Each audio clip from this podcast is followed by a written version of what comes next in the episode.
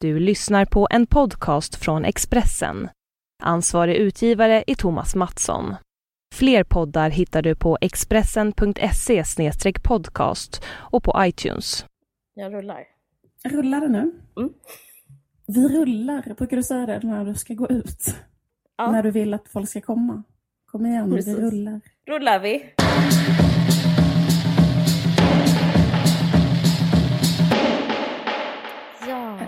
Hej! Hej! Hur är läget? Jo, det är, eh, det är bra liksom, men det är, jag kan inte säga bra utan att min röst bara eh. Nej, men jag har så fruktansvärt mycket att göra för att jag håller på och flyttar. Ja. Och samtidigt håller jag på och gör det sista på min bok. ja, För den ska lämnas i tryck nu i veckan. vad fett. Sen i detta så Ja. Blev mitt barn, mitt minsta barn, självklart fick han en sån vidrig eh, medeltidssjukdom som alla barn får. På Svinkoppor. dagis, svinkoppor. Exakt, svinis. Så stackars människan, lilla människan, Mm. eh, svin... Och det är så jävla sinnessjukt, för att förra gången jag flyttade så fick han också svinkoppor. Alltså samma barn. Alltså, intressant. Undrar om det är någon slags... eh, det är så jobbigt att flytta. Det kanske är ett sätt att försöka stoppa hela processen. Jag vet, men det är också en bakterieinfektion, så jag tror inte det. Skit i min psykologiska förklaring bara. Nej men absolut, Ja. det är klart det är det så. Och han går på Men dagis. han eh, stoppar i alla fall flytten, vare sig Ja. det är meningen eller inte. Mm. Men man förstår vad jag menar, för då är det Mm. så här, då ska han vara hemma från dagis nu när jag måste, du vet, packa ihop allting. För att göra det hela ännu sjukare så har jag liksom ett förråd Mm. som är fullproppat med saker. Min Mm. pappa är ju död och han hade ett förråd med sina föräldrars grejer. Så liksom nu är både min pappas gamla grejer och min, min farmor och farfars gamla grejer i mitt förråd. Och det var ett översvämning i det förrådet två gånger. På grund av att jag bor i Malmö. Och det, det förrådet är som en trolls lilla bostad. Alltså förstår du? Det är som Mm. ett... Det bara är liksom så uppblött kartong. Och så är det så här... äh, Gud, olika saker. En furuklocka som kanske min farfars farfar svarvade tidigt 1900-tal. Som ser för Ja. jävligt ut. Blandat med Ska du ett slänga ex av en andlig tidning som min pappa, ett vattenskadat ex av en andlig tidning som min pappa kanske gjorde på 70-talet. Förstår du? Ja. Stå och stirra på de grejerna liksom. ja. Vad gör du med dem undrar jag? Um, Forslar till nästa min- jag och min ställe? syrra har jobbat där i, i Ja. Flera arbetsdagar med Ja. att liksom rensa och så. Men det, ja, skit i det. Nog om mig. Nog om... Men Jag tycker det är eh, intressant. Men jag, jag vill bara ge dig ett tips Mm. inför alla poddlyssnare. Eh, Så det kan- kanske, det kanske får bäring. Kan du inte anställa en flyttfirma som bara, måste du göra allting själv? Låter asjobbigt. Jo, men en sån sak kan man liksom inte... Alltså jag önskar att man kunde anställa människor som kunde så bestämma vad man ska ha Ja. kvar av sin pappas Ja, det är jättesvårt med Alltså, affektiva värden och sånt där. Ja, jag jag tänker om det gick. Det är faktiskt en jättebra entreprenörsidé. Alltså bestämma någon som så här objektivt sett Ha en psykologisk här, feeling för så Man olika. behöver... Tror du inte skulle kunna vara en jättebra Ja. entreprenör? Skulle Jo, kunna ha så en lista så här, man behöver fem personliga brev. Det kan vara ett. Ja. Alltså förstår du? Man behöver dagböcker men inte alla. Typ. Man behöver... Precis.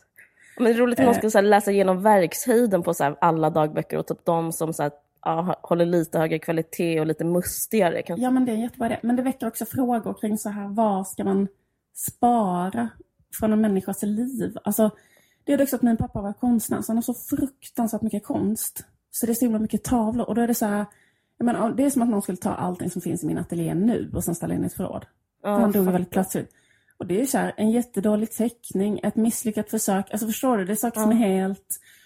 Men sen är det ändå... Fast det känns eh, ändå så viktigt på något sätt. Alltså, Jo, jag det är vet, svårt att sätta vem- emot just Jag konst. vet, jag vet. Eller att någon har men- skapat något. Det blir liksom väldigt svårt att så här opponera sig emot. Jag vet, man tänker en skulpturserie i 17 delar som inte blev så bra. Alltså förstår Ja, du? jag fattar, är också jag så här, fattar. hur länge ska man spara det? Tänk, jag tänker med skräck på att någon skulle spara någonting sånt från min ateljé. Typ så en idé som inte var... Alltså förstår du? Och sen Ja, bara, ah, men det här blev inte så bra, ställer in det i förrådet typ. Vänta på att göra om det eller något. Jag förstår. Nu ska jag säga något självgott. Mm. Jag eh, har inte sparat någonting. Jag har flyttat också. Mm. Och jag har ingenting Eh, för det är, det, det är självgott för det är ofta så ideal L-interiör, att man ska ha avskalat och ingen klarar av det. Ja. Så det är sånt man, alltså inredningstidningar, jag upplever att de psykar sin publik genom att säga så här, du ska inte ha någonting, så har alla allting alltid. Ja, liksom. ja. Men Det är jag har, hemskt att ha saker. Ja. ja, precis. Men jag har ingenting. För jag, för jag har liksom, innan jag fick den här bostaden så hade jag liksom ingen direkt bostad. Så att jag liksom inte, jag har ingenting. Det är helt underbart. Nej, men jag har inte rätt mycket saker heller liksom så här, i min riktiga bostad. Ja. också skryta. Nej, men alltså i mitt eget förråd, vet du vad jag har där? En låda där det står julsaker. Så gulligt. Okej, det är tungt. jag älskar det här, Men- detta battle, men jag har inte ens en låda med julsaker. Nej, men jag har varit mamma längre än dig. Du kommer ha julsaker. Om sju år. Du kommer ha en kommer med städa ut mitt barn till slut. Nej, absolut, jag fattar. Det Mm. men mitt tips, mitt varmaste tips är att man behöver ingenting och man kan slänga allt och eh, skit i affektiva Jag vet, värden. och det är också, jag vet, och det är också det jag egentligen vet. Och Ja. jag vet att ingen kommer öppna det här förrådet förrän jag dör. För Och så kommer typ nästa Då person kommer bara, mina barn att stå också framför en sån uppblött andlig tidning från 70-talet. Och någon sån, eh, vad heter det, furuklocka från, från Skillinge. Och då addera mina så här jättedåliga anteckningsböcker där jag bara har skrivit något jag tänkt på fyllan. typ. Alltså, det är hemskt.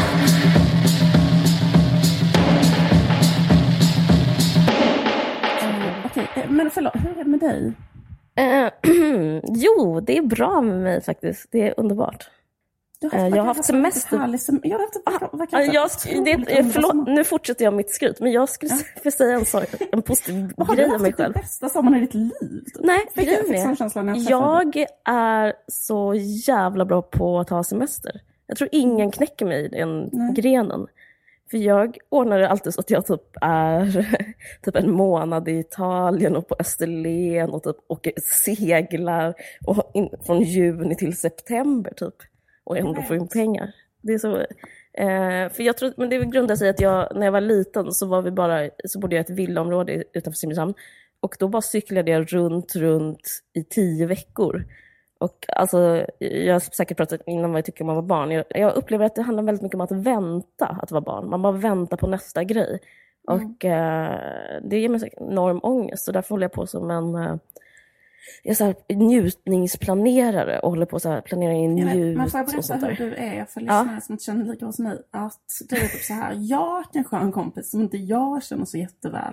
Om du träffar en gång i fem minuter. Ja. Nästa sak man hör är att du har raggat upp hennes typ familjs sommarställe.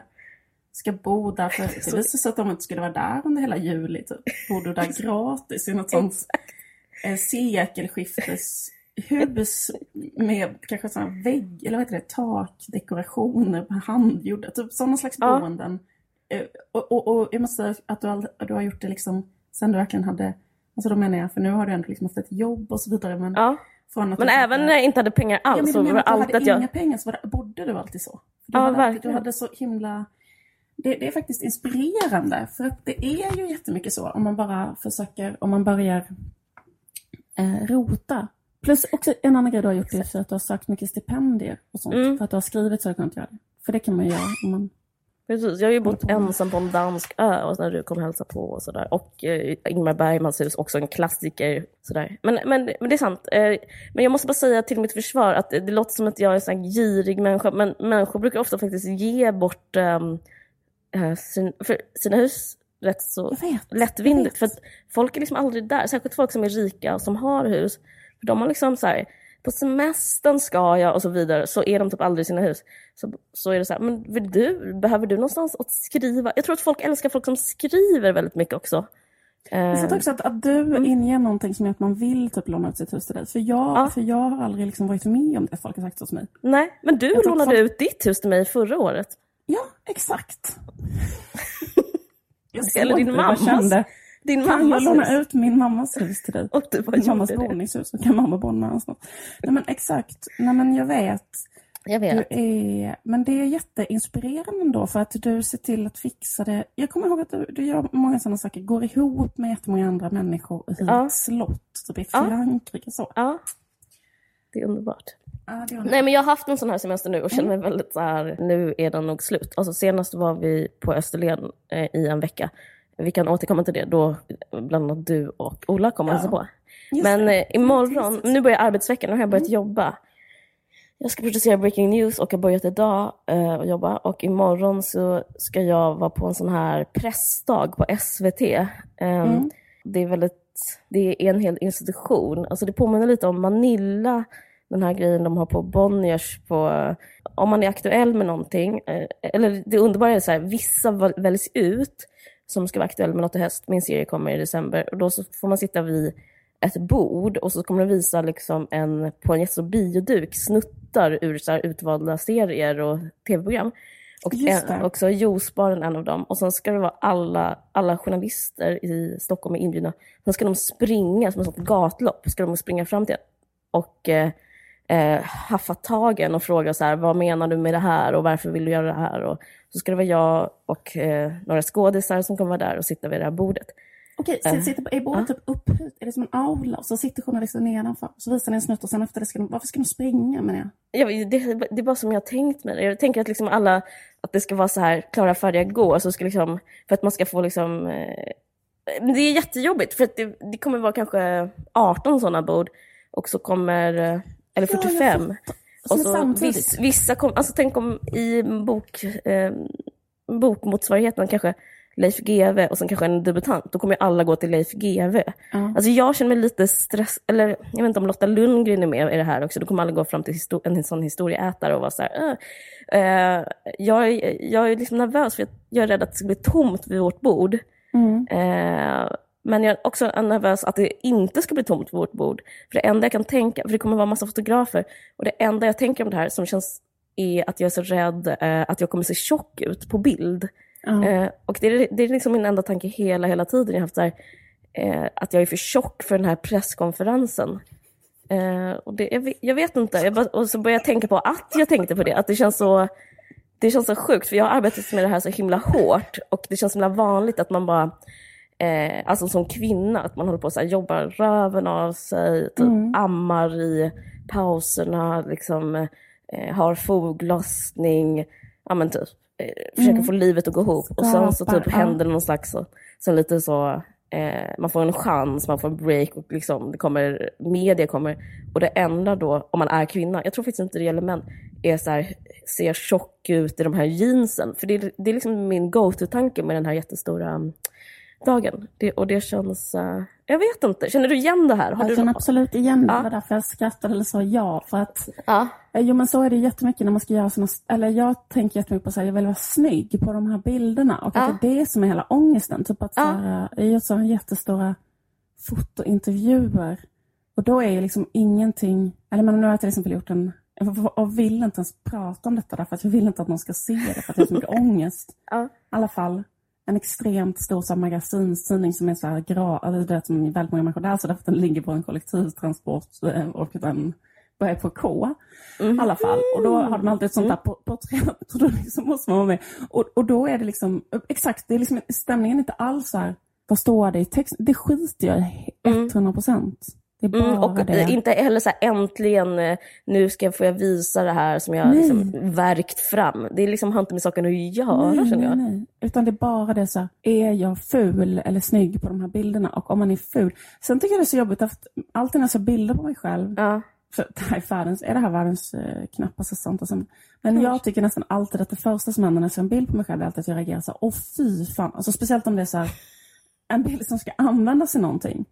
Ja. Det är så kul för min kille brukar alltid säga till mig, men Liv du ser ju ut så, du ser ut. Jag bara, hur fan kan det här, typ, de bara, han, men eller, du vet, du förstår vad jag Ja. menar? För att det kan vara så här, varför tror du att du ska se helt annorlunda ut? Bara för att det, eller, du vet, eller liksom också Jag att, så här. Mm. nej, men att, det, att det handlar ganska mycket om ett sinnestillstånd också. Jag vet inte om någon Ja. har sett pjäsen på mig på Dramaten, men då äh, klädde de då hade de en sån idé bara, eh, vi ska göra en affisch till den här pjäsen där vi liksom klär ut dig till Jungfru Maria. Mm. Och så var det typ en sån stylist, alltså det är ett sånt foto, du vet, de är i en fotostudio, Mhm, de klär mm. ut mig till Maria, de fotar med, de ljussätter, de gör en sånt superproffsigt foto. Sen så slutar det med att det är 50 foton eller någonting som de visar Mm. för mig. Då är jag så här, jag ser liksom för jävlig ut på 100% av de här bilderna. Det kommer inte Mm. gå. Så är min känsla då Ja. att jag vill inte att den här bilden ska vara, för de använder dem som affisch, då ska de hänga där liksom uppe i jävla lyktstolpe. Jag, jag har verkligen den känslan. Men det är bara en känsla, för den, eh, du är jättesnygg. Jag vet att det här är helt sån eh, återvändsgränd att prata, att säga, du ska säga att du är snygg eller ful och jag ska säga att du är snygg. Men jag, men jag vill bara jag ändå säga att du är snygg. Ska vi upp? Ja, men jag vet, och jag, eh, eh, som sagt så tänkte jag när jag träffade dig så här, oj vad smal du är, var min första tanke när jag träffade dig. Och sen tänkte jag så här, för lyssnarna kan jag säga att jag har inte träffat dig på ett tag för du har varit bortrest och så, men jag träffade dig förra veckan och då tänkte jag, min första tanke var så här, oj vad smal du är, för du hade på dig ett massa tajta svarta jeans. Jag bara, wow vad smal du är. Tack. Ja, och nej, men, sen tänkte jag, det ska inte jag säga för att det är så sinnessjukt att ha på sådär. ja, men det är Så sinnessjukt och jag tycker allt det här är sinnessjukt. Men Ja. ändå så ska jag på den här pressdagen och ändå är det enda jag tänker på. Men det, Eh, det, det är kul att, liksom, att vara ärlig med det också. För man kan säga Ja. att, för att, för, för att, jo men jag ska säga med de här bilderna sen i efterhand, då kan jag sen titta på dem och bara, mm vad fin jag var. Kommer ihåg första gången jag tog pressbilder, 2005. Då tyckte jag också Ja. att alla de pressbilderna var helt fruktansvärda. Men Ja. sen i efterhand när jag tittar på dem så är jag så här, ser, ser ut som en sån liten Disney-djur på alla de här pressbilderna. Så det är så Ja. konstigt. Att så här, vad, vad, vad var det som så jävla ful, vad var det som så dåligt med den här Bambi-facet liksom? Precis, ja, men det är väl någon slags projektion att man hatar sig själv och så materialiseras det i en bild. Eller liksom, alltså man håller väl på, eh, det Exakt, handlar men väl sen- väldigt det- det lite att om efter- själva bilden Nej, men egentligen. precis. Men sen handlar det också om att det är så konstigt det där med att det finns ju sådana där undersökningar som Ja. visar om kvinnor får välja mellan typ tio, sju saker. Då är det så här, få alla pengar du någonsin, så att du aldrig mer behöver vara orolig för pengar. Det är Ja. en, ett val. Eh, två, bli ihop med typ din drömmänniska, få sig evig kärlek. Tre är så här, eh, vad heter det, få jobba typ med det jobbet du alltid någonsin har velat liksom ha Ja. eller något, ditt drömjobb. Och fyra är så här, gå ner permanent fem kilo och du vet att du aldrig mer kommer att gå upp de fem kilorna. Och det alla kvinnor svarar Ja, ehm, är gå ner fem kilo. ja. För visst hade du också svarat? Alltså jag, om jag ska helt ärlig tror jag också att jag hade svarat det. Alltså fattar du vad Jag jag hade menar? inte det. Nej jag skojar, jag ska inte vara så här mega story. Det är mycket möjligt. Men grejen är, jag ska bara säga som svar, alltså som svar till den här grejen med att man ska gå ner fem kilo som högst. en sån. Det är ju för att det finns, eh, nu alltså, snacka om att du säger en gammal spaning, nu kommer jag säga ännu gam- äldre. Och det är att... En arkeologi i genusspaningen. Häng med! Häng med så till Pompeji. Hittar Och- väldigt, väldigt gamla spaningar hon kör. Vet du det? Ja. Skit i det, men det är så här att vi, att så länge som vi lever i någon slags eh, eh, könsmaktordning där etablerar vi lever ett patriarkat. Man har inte samma eh, makt som kvinna och som män. Och den största makten som kvinnor har är liksom fortfarande utseende. De Mm. andra makterna är liksom inte reella för kvinnor, alltså Nej. än eller någonting. Så Eller det är det liksom spelar ingen roll. Ja, men det spelar nej, ingen roll, det finns, ingen, det finns ingen, inget att spela med. Alltså man kan säga, okej men fuck Antonia, vet du, Axel Jonsson, vem fan bryr sig med henne liksom? Det är, liksom, det är inte hon som har, eh, hon har, hon har liksom ingen reell makt i samhället om hon skulle släppas ut i ett rum. Eh, då, då är det liksom den snyggaste eller smalaste som har störst makt. På grund av att vi lever i så jävla sjukt samhälle. Så det är också det, det är inte bara för att man är helt störd som man skulle säga fem kilo. Det är för att man vill liksom krampaktigt eh, återerövra en slags makt. Men jag måste säga, jag har läst en bok faktiskt eh, som, som du säkert läst, som heter Den sårade divan av Karin Johannisson. Har du läst den boken? Mm, nej, det är sjukt att jag inte har hunnit läsa den. Jag har typ läst ett kapitel. Men eh, Mm. jag vet vad den handlar om exakt. Eh, Du kan ju berätta vad den handlar om. Mm. Den handlar om eh, kvinnor som har försökt vara subjekt. Eh, kvinnor som har försökt så förhöja sig. Eh, att i- att liksom inte stanna kvar i det här objektet. Att, vara den, att endast liksom spela på makt.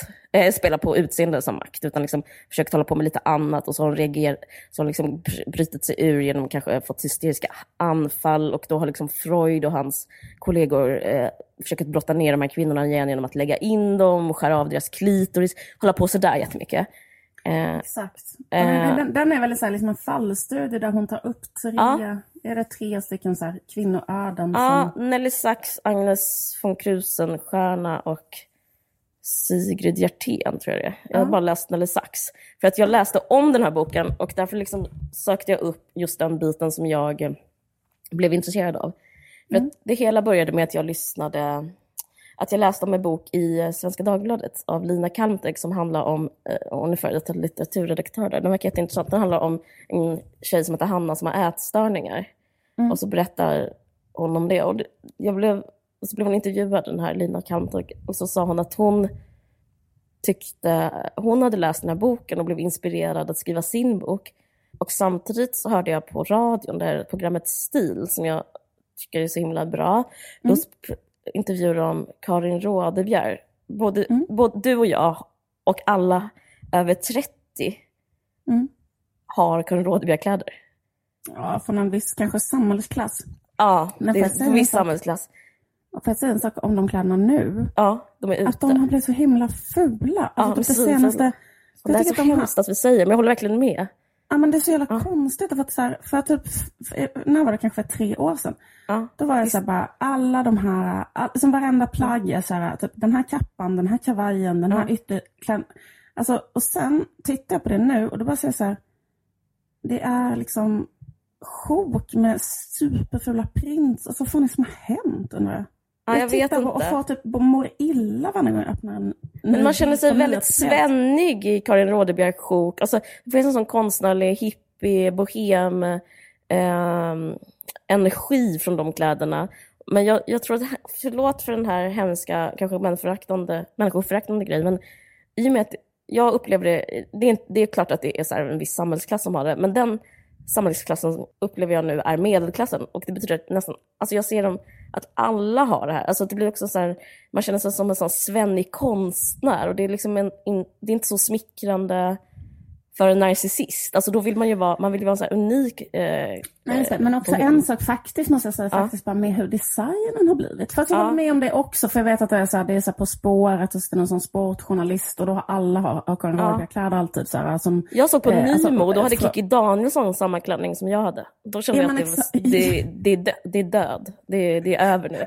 min, min självkänsla klarar inte det. Nej, nej. nej. Men, men eh, vad intressant, men en sak jag funderar på, har hon, eh, vad heter det, ätstörningar? För att hon gör väldigt mycket Nej. sjok. Och det tänker hon... jag att man gör om man, har, man tänker att man inte vill visa upp sin kropp. Nej, och jag tror faktiskt att det är också lite hemlighet. Hon har inte ätstörningar. Nej. Men jag, jag, ska snart komma fram till varför det, jag binder ihop det med ätstörningsspåret. Jo, men grejen är att hon gör sjok, men det tycker mm. jag är rätt så loll av alla, för att alla tjejer tycker att de är tjocka. Jag tror också det är en hem, ett försäljningsknep. Så så länge man har så här, nu har vi gjort ett sjok, så du så man spelar på känslan av att känna sig tjock. För ingen är ju tjock som har Nej. de här kläderna.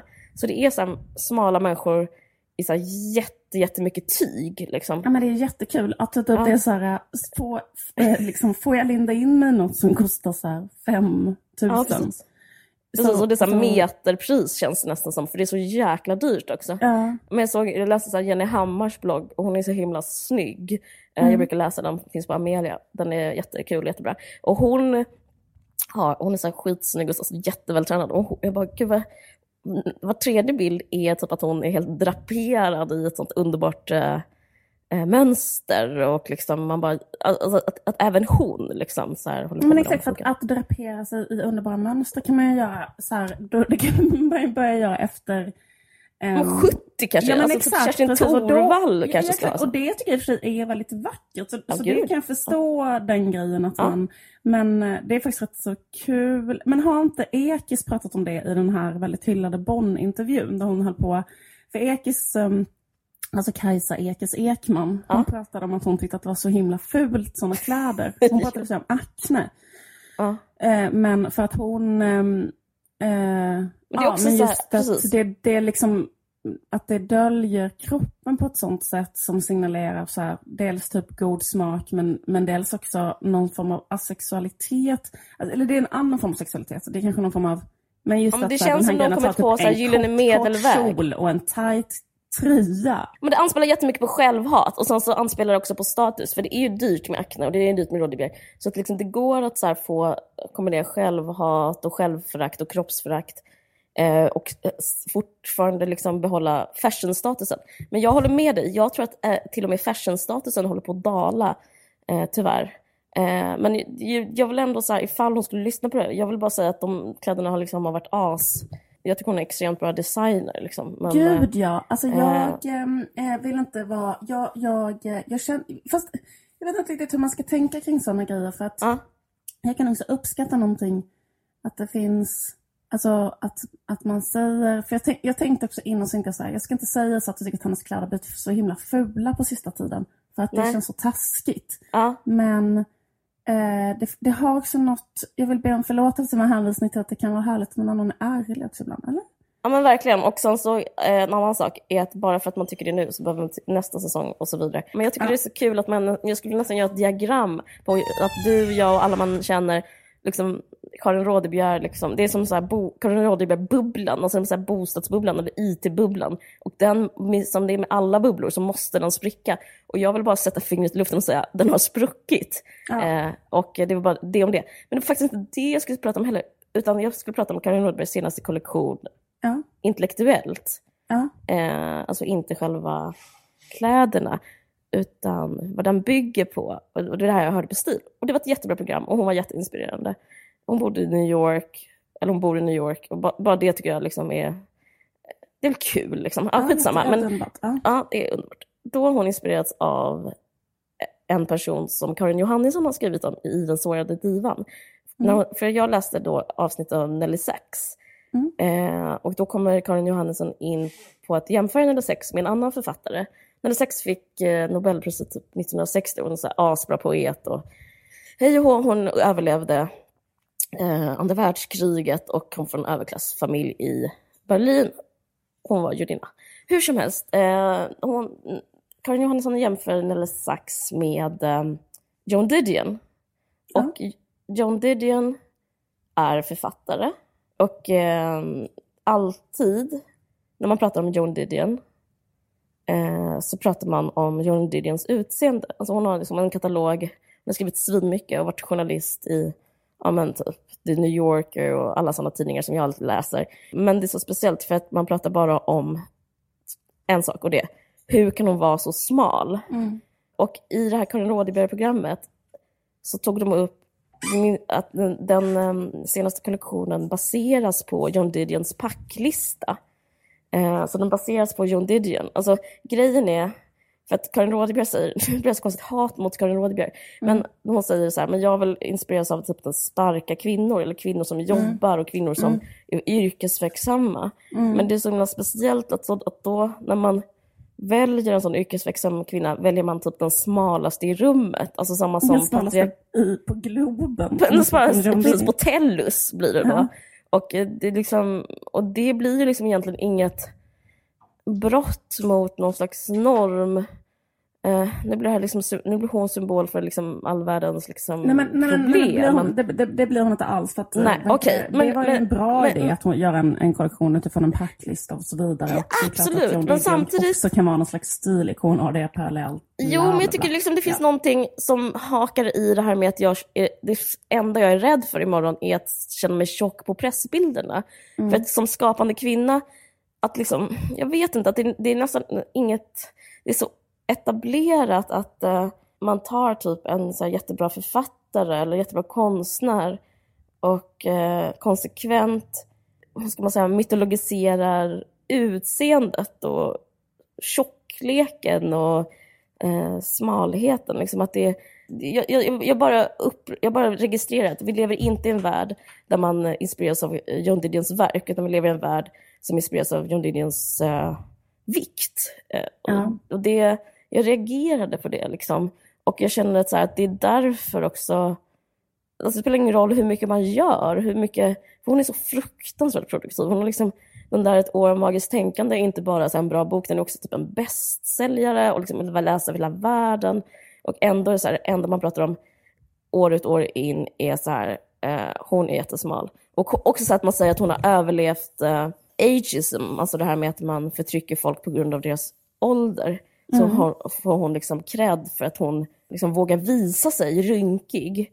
Men det är bara för att man inte tänker då att hon vågar visa sig för att hon har den största makten någonsin och det är att vara så ja, papperstunna armar och sånt där. Men jag liksom eh, googlade på det här, kollade på hennes packlista och, så, och liksom vad det där var, vad det handlade om. Och då finns det hur många modereportage som helst. Eh, Det finns en från amerikanska Vogue bara för något år sedan. Och ska, ska, vill, ska jag läsa upp vad packlistan Ja. innehåller? Mm.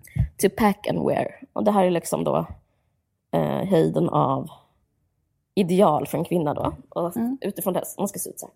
Two skirts, two jerseys or leotards, one pullover, two pair of shoes, stockings, bra, nightgown, robe, slippers, cigarettes, bourbon, bag with shampoo, toothbrush and paste.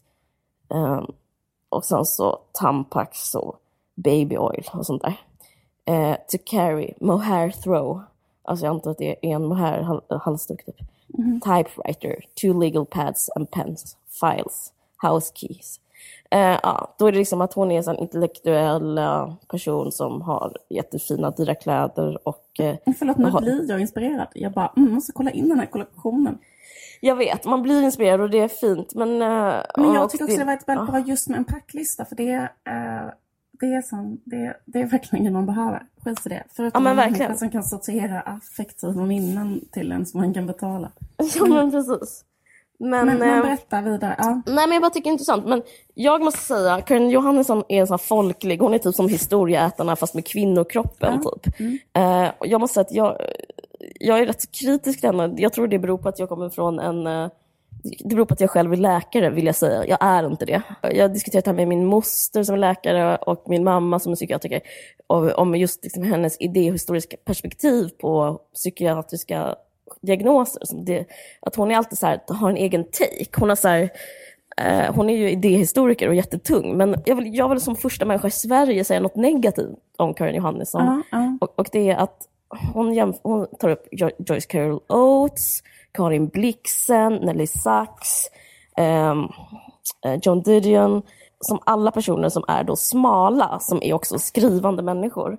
Och hon säger så här att det inte är negativt, eh, utan det är ett, istället för att förinta sig själva med smalheten, så skapar man sig själv med smalheten.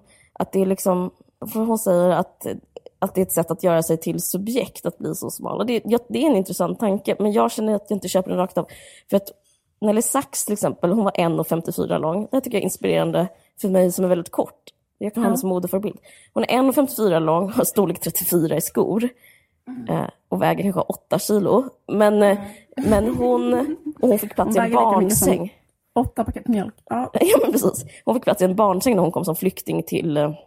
Jag vet inte, det är någonting med så att det, eh, hon, kom flykt, hon flydde från nazisterna, så kom hon till Sverige. Så fick hon bo i Hornstull, Bergsens sand, 23. Fick hon plats i en barnsäng. Ja, det är någonting eh, vidrigt tycker jag, att estetisera det. Men skit i det, nu är det så. Men hon gick ner så mycket i vikt, och vad blir kvar då? Alltså det här är ju också en modegrej. Då blir liksom, ögonen kan ju inte gå ner i vikt. Då får man så här svinstora ögon. Och då har, hon också, då har då Joyce Carol Oates eh, samma typ av så här svin, svin anorektisk kropp och asstora ögon. Och Herta Müller har lite ja, likadant och John Didion. Eh, jag vet inte, men då så är det så här, jag tror det för att empowera, alltså att så här, makt, makt, ge dem makt, de här kvinnorna. Så kom, säger Karin Johannesson att det är ett sätt att eh, vad ska man säga, att äga sin verklighet och äga sitt subjekt och sådär. Eh, att man så här, i själva verket är man inget offer utan att man är bara så här, eh, man vill bli sedd för själen och själen sitter i ögonen. Och intellektet sitter i ögonen, men de vill, man vill liksom visa att man är en skrivande person. Mm. Eh, och därför är man så smal så man bara är två svarta ögon som betraktar. Man tar objektet, förvandlar det och säger så här till omvärlden. Nej, jag är ett subjekt. Titta på mina ögon. Jag tittar på er. Jag tycker det är en väldigt så här, vacker och attraktiv tanke. Men jag tror liksom... Jag känner inte så. Jag känner så här, jag, imorgon på den här pressdagen, det är inte därför jag vill vara smal, utan det är för att typ man ska vara det. Förstår du vad jag menar? Och det är så konstigt att upphöja...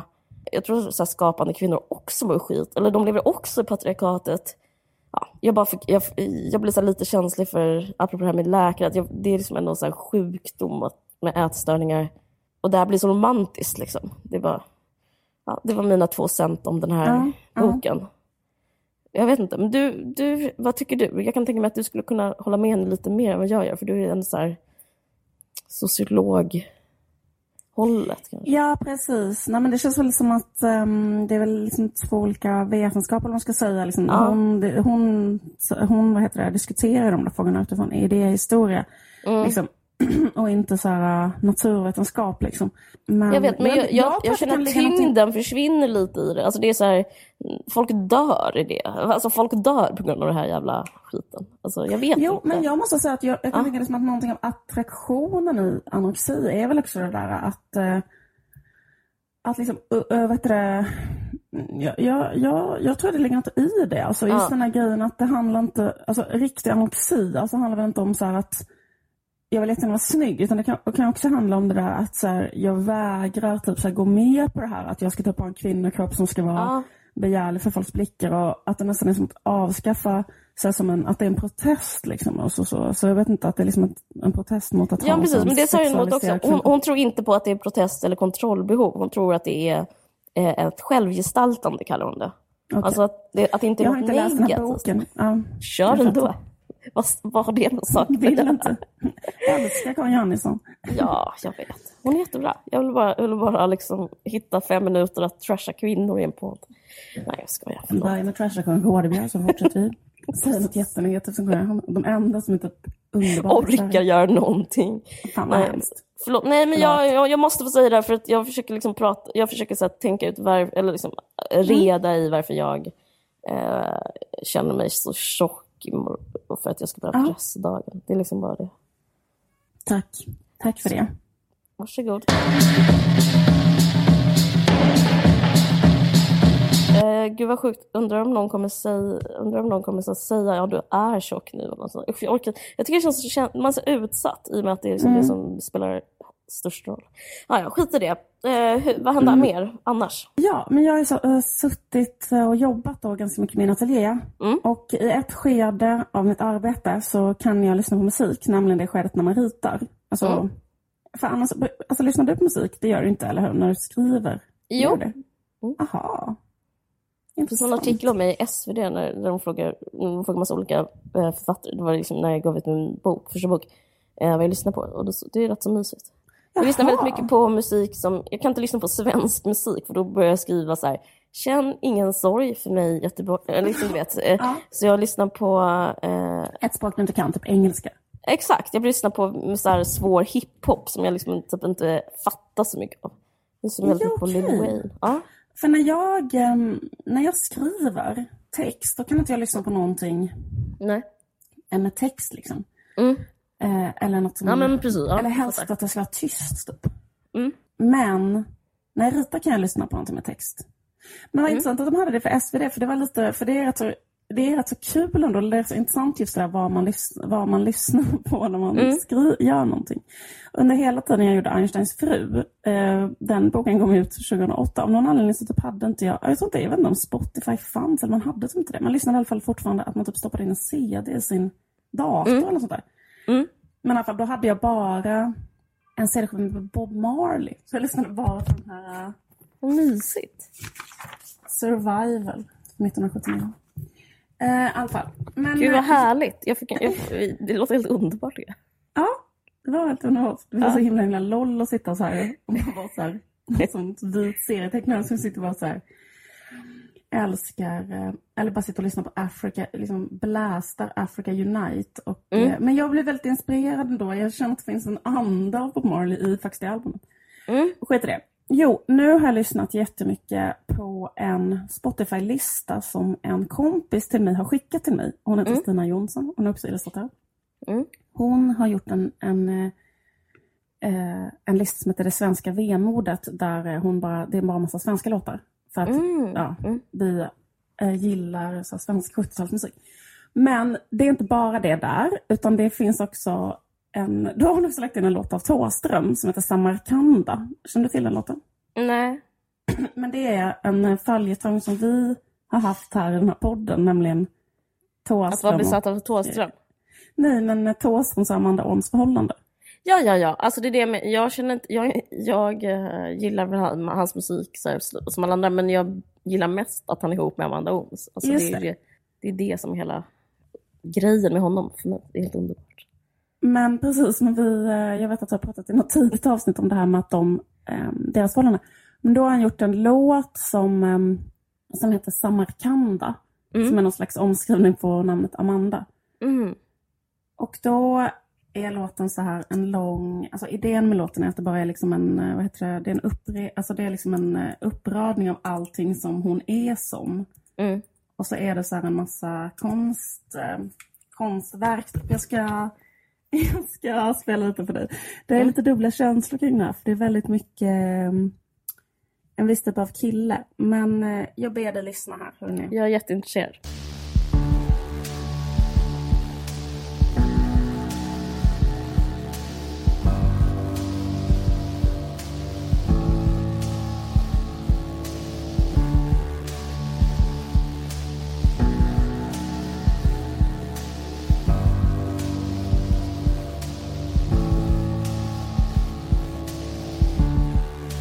Som alla helgonbilder i Triana.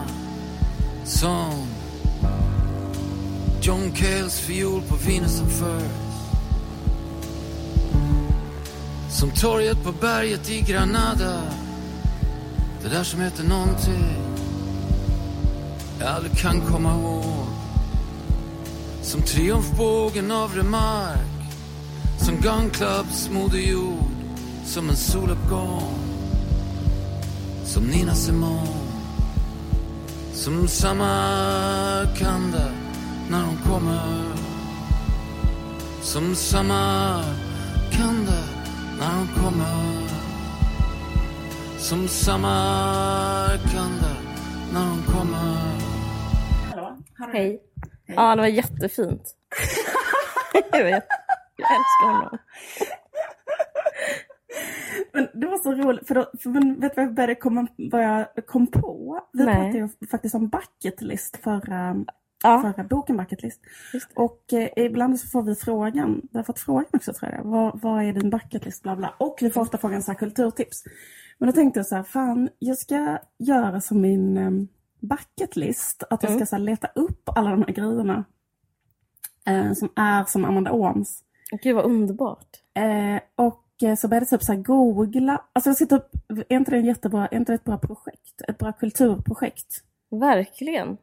Nu, Det låter lite som en säsong två av där Horace och Liv. Ja, exakt! Jag och Amanda Ohm ska nog omkring. och kanske eh, Thåström. Visst, jag Thåström. Eller så här, jag umgås jättemycket med Amanda Ooms och Ja, det är så ser så här, är hon verkligen som alla helgonbilder i Triana? Men hur som helst, Triana Men det- är då liksom en, en Ja. till exempel, då googlar här, det är en stadsdel som ligger på en underbar halvö i Sevilla, där det, bor, där det är en jättespeciell egen, förstår du vad jag menar, så har de en svinunderbar kyrka med jättefina helgonbilder. Ja. Dit skulle det vara kul att åka, eller? Verkligen. Gud vad underbart. Men sen tänkte jag på det här, John Keels fiol på Venus in Furs. Du vet att, eh, eller har du den gymnasieerfarenheten att folk lyssnar på Venus in Furs? Ja, gud ja. På grund av... Eh, På grund av mig? Dig? Nej. jo, på grund av dig. På grund av din bror. Okej. Eh, Men i alla fall, men för, Mm. jag var så himla, för när jag läste det, så här, först tycker jag alla helgonbilder tränar skitbra, dit vill jag åka. Sen bara, som John Keels fiol på Mm, Venus in jag Furs kändes det lite snark. Att vet, det är så här, Ja. åh, jag gillar Velvet Underground och just låten Venus in Furs, att Ja. det känns så extremt, för mig är det liksom Men det får vara så tycker jag. Med, exakt, gymnasiet. Vad kul att du tänker vara helt okritisk, vad gulligt. För jag tänkte vara så här okritisk, så tänkte jag du kan få vara den som säger att det här är gymnasieintellektuellt. Jag tyckte bara det var helt underbart. Men jag, det är bara för att det är Du så ärligt. ska vara den som säger så här, ska du ta, eh, börja röka pipa och ha på en basker och börja lyssna igen på den jättemest förutsägbara plattan av Velvet Underground. Hur som helst, John Keels fiol på Venus in First, då kan man tänka så här, eh, fan vad B. Så här, lyssnar man på Ja. John Keels fiol, för det Ja. gjorde jag i och med att jag har, har den här bucketlisten, så tänkte jag kan börja med att lyssna på låten. Får jag bara vi spela där för dig? Jättegärna.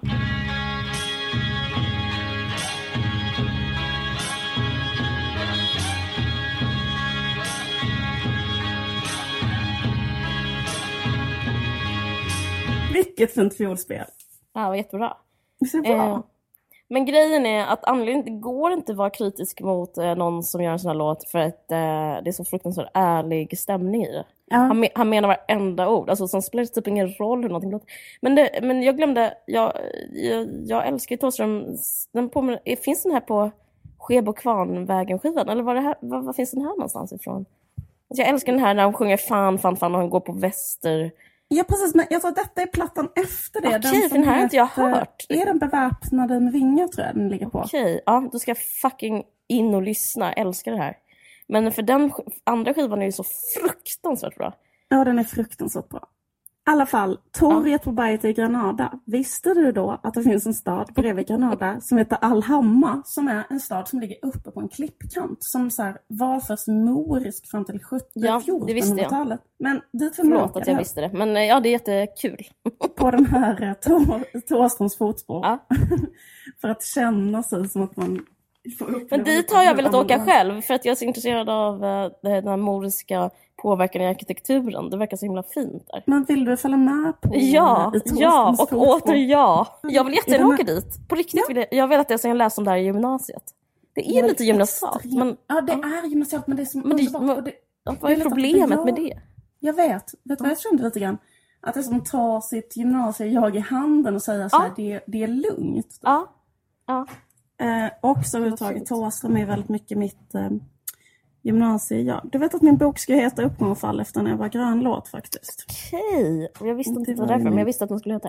Vad härligt. Det, det var min bästa låt när jag var, när jag var liksom kanske 16. Ja. Så tänkte jag att det var så fint att döpa den till det. Verkligen. Men eh, jo, i alla fall. Det finns två romaner av Erik Maria Remarque på den här Vad Amanda Ons är som. Okej, ja. Triumfbågen. En, en, en Vad hette han i efternamn, eh, författaren? Jag hörde inte riktigt. Remarque, alltså Erik Maria Remarque. Du vet, Okej. Västfronten inte ett nytt. Ja. Remarque. Ja, Förstår du? Jag har inte läst. Jag har aldrig Nej. läst. Jag har inte heller läst den. Nej. Wow, ja, men vad häftigt. Orkar vi lyssna på en, en, vad heter det, en vers till? Också bara för att det här är, finns alltså kulturtips. Absolut, vara... vi kan lyssna på den. Vi kan, sen ska vi bara liksom... eh, Sluta Vi kan avsluta. Podden kan sluta så. Fint. Podden slutar med det och då kan man... Det som var ett bra tips, som jag faktiskt tänkte är ganska lätt att göra också, som han sjunger om här. Mm. Han skriver så här, vad hon är som, så skriver han så här, som en ensam kväll får guldregn med november utanför. Då googlade jag guldregn. Då är det liksom en, ett café i Köpenhamn. Ja, dit måste vi åka på en weekend. Exakt! I Man så november gick in på deras hemsida och då, såg det, då var de jättemycket nakna, alltså målning av nakna tjejer. Så tänkte jag så, nej, vad jobbigt för det här är en sån killresa. Men det var så vackert. Eh, Vi tar med våra killar. Nej, jag skojar. Det var inte det som, inte det som var lösningen. Okej, bara, varför inte du som en roman av Remarque bär man bråka? men det måste jag säga med den här romanen och Remarque, det tror jag bara är att han bodde i Berlin länge och typ, eh, jag tror inte det är bra, jag, jag tror kanske jag kommer nog inte läsa. Kommer du inte att göra bucketlisten? Jo, jo men jag vill, bara, jag vill jo, nästan, allt utom att läsa Du kan göra selektiv. Jag funderar på att göra hela jätteseriöst.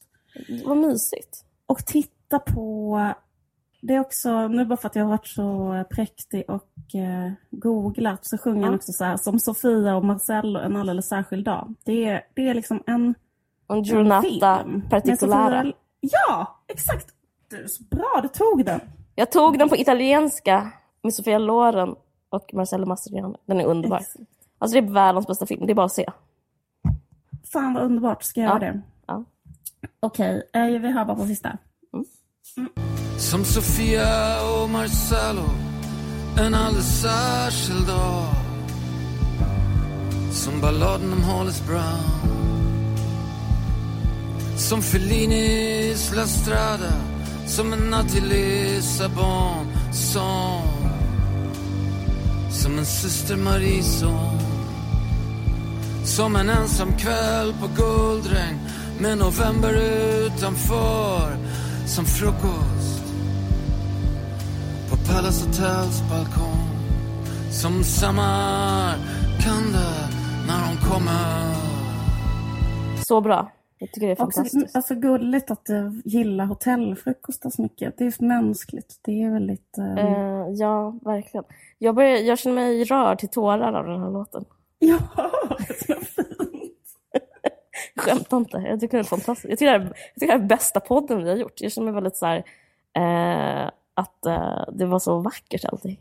Ja, det, är- det är väldigt, väldigt vackert. Och ehm, jag vet Har- jag blev också Ja. rörd till tårar när Ja. jag typ skulle berätta om den här låten för min syrra.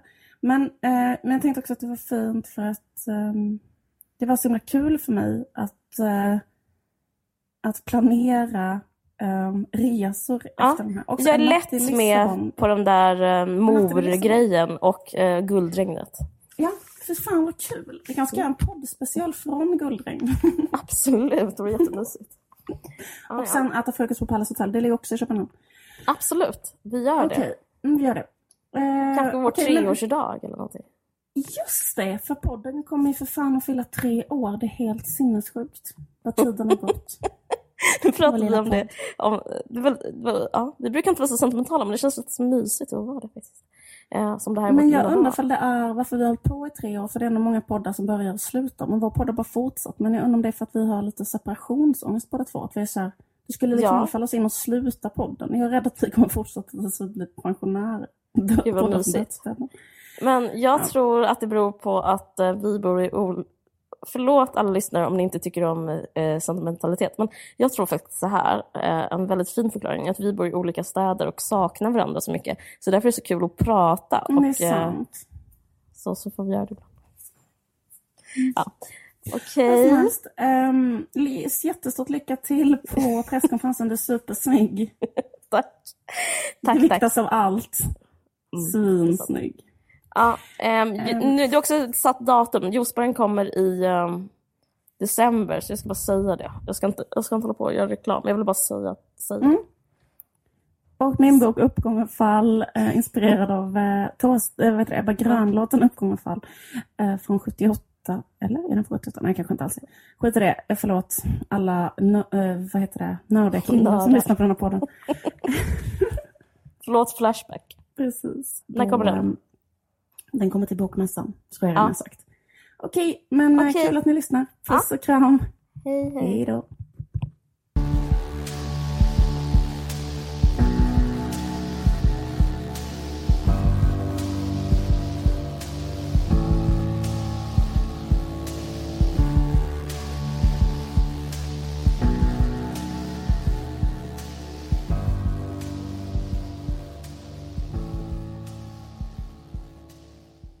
Du har lyssnat på en podcast från Expressen. Ansvarig utgivare är Thomas Mattsson. Fler poddar hittar du på expressen.se podcast och på iTunes.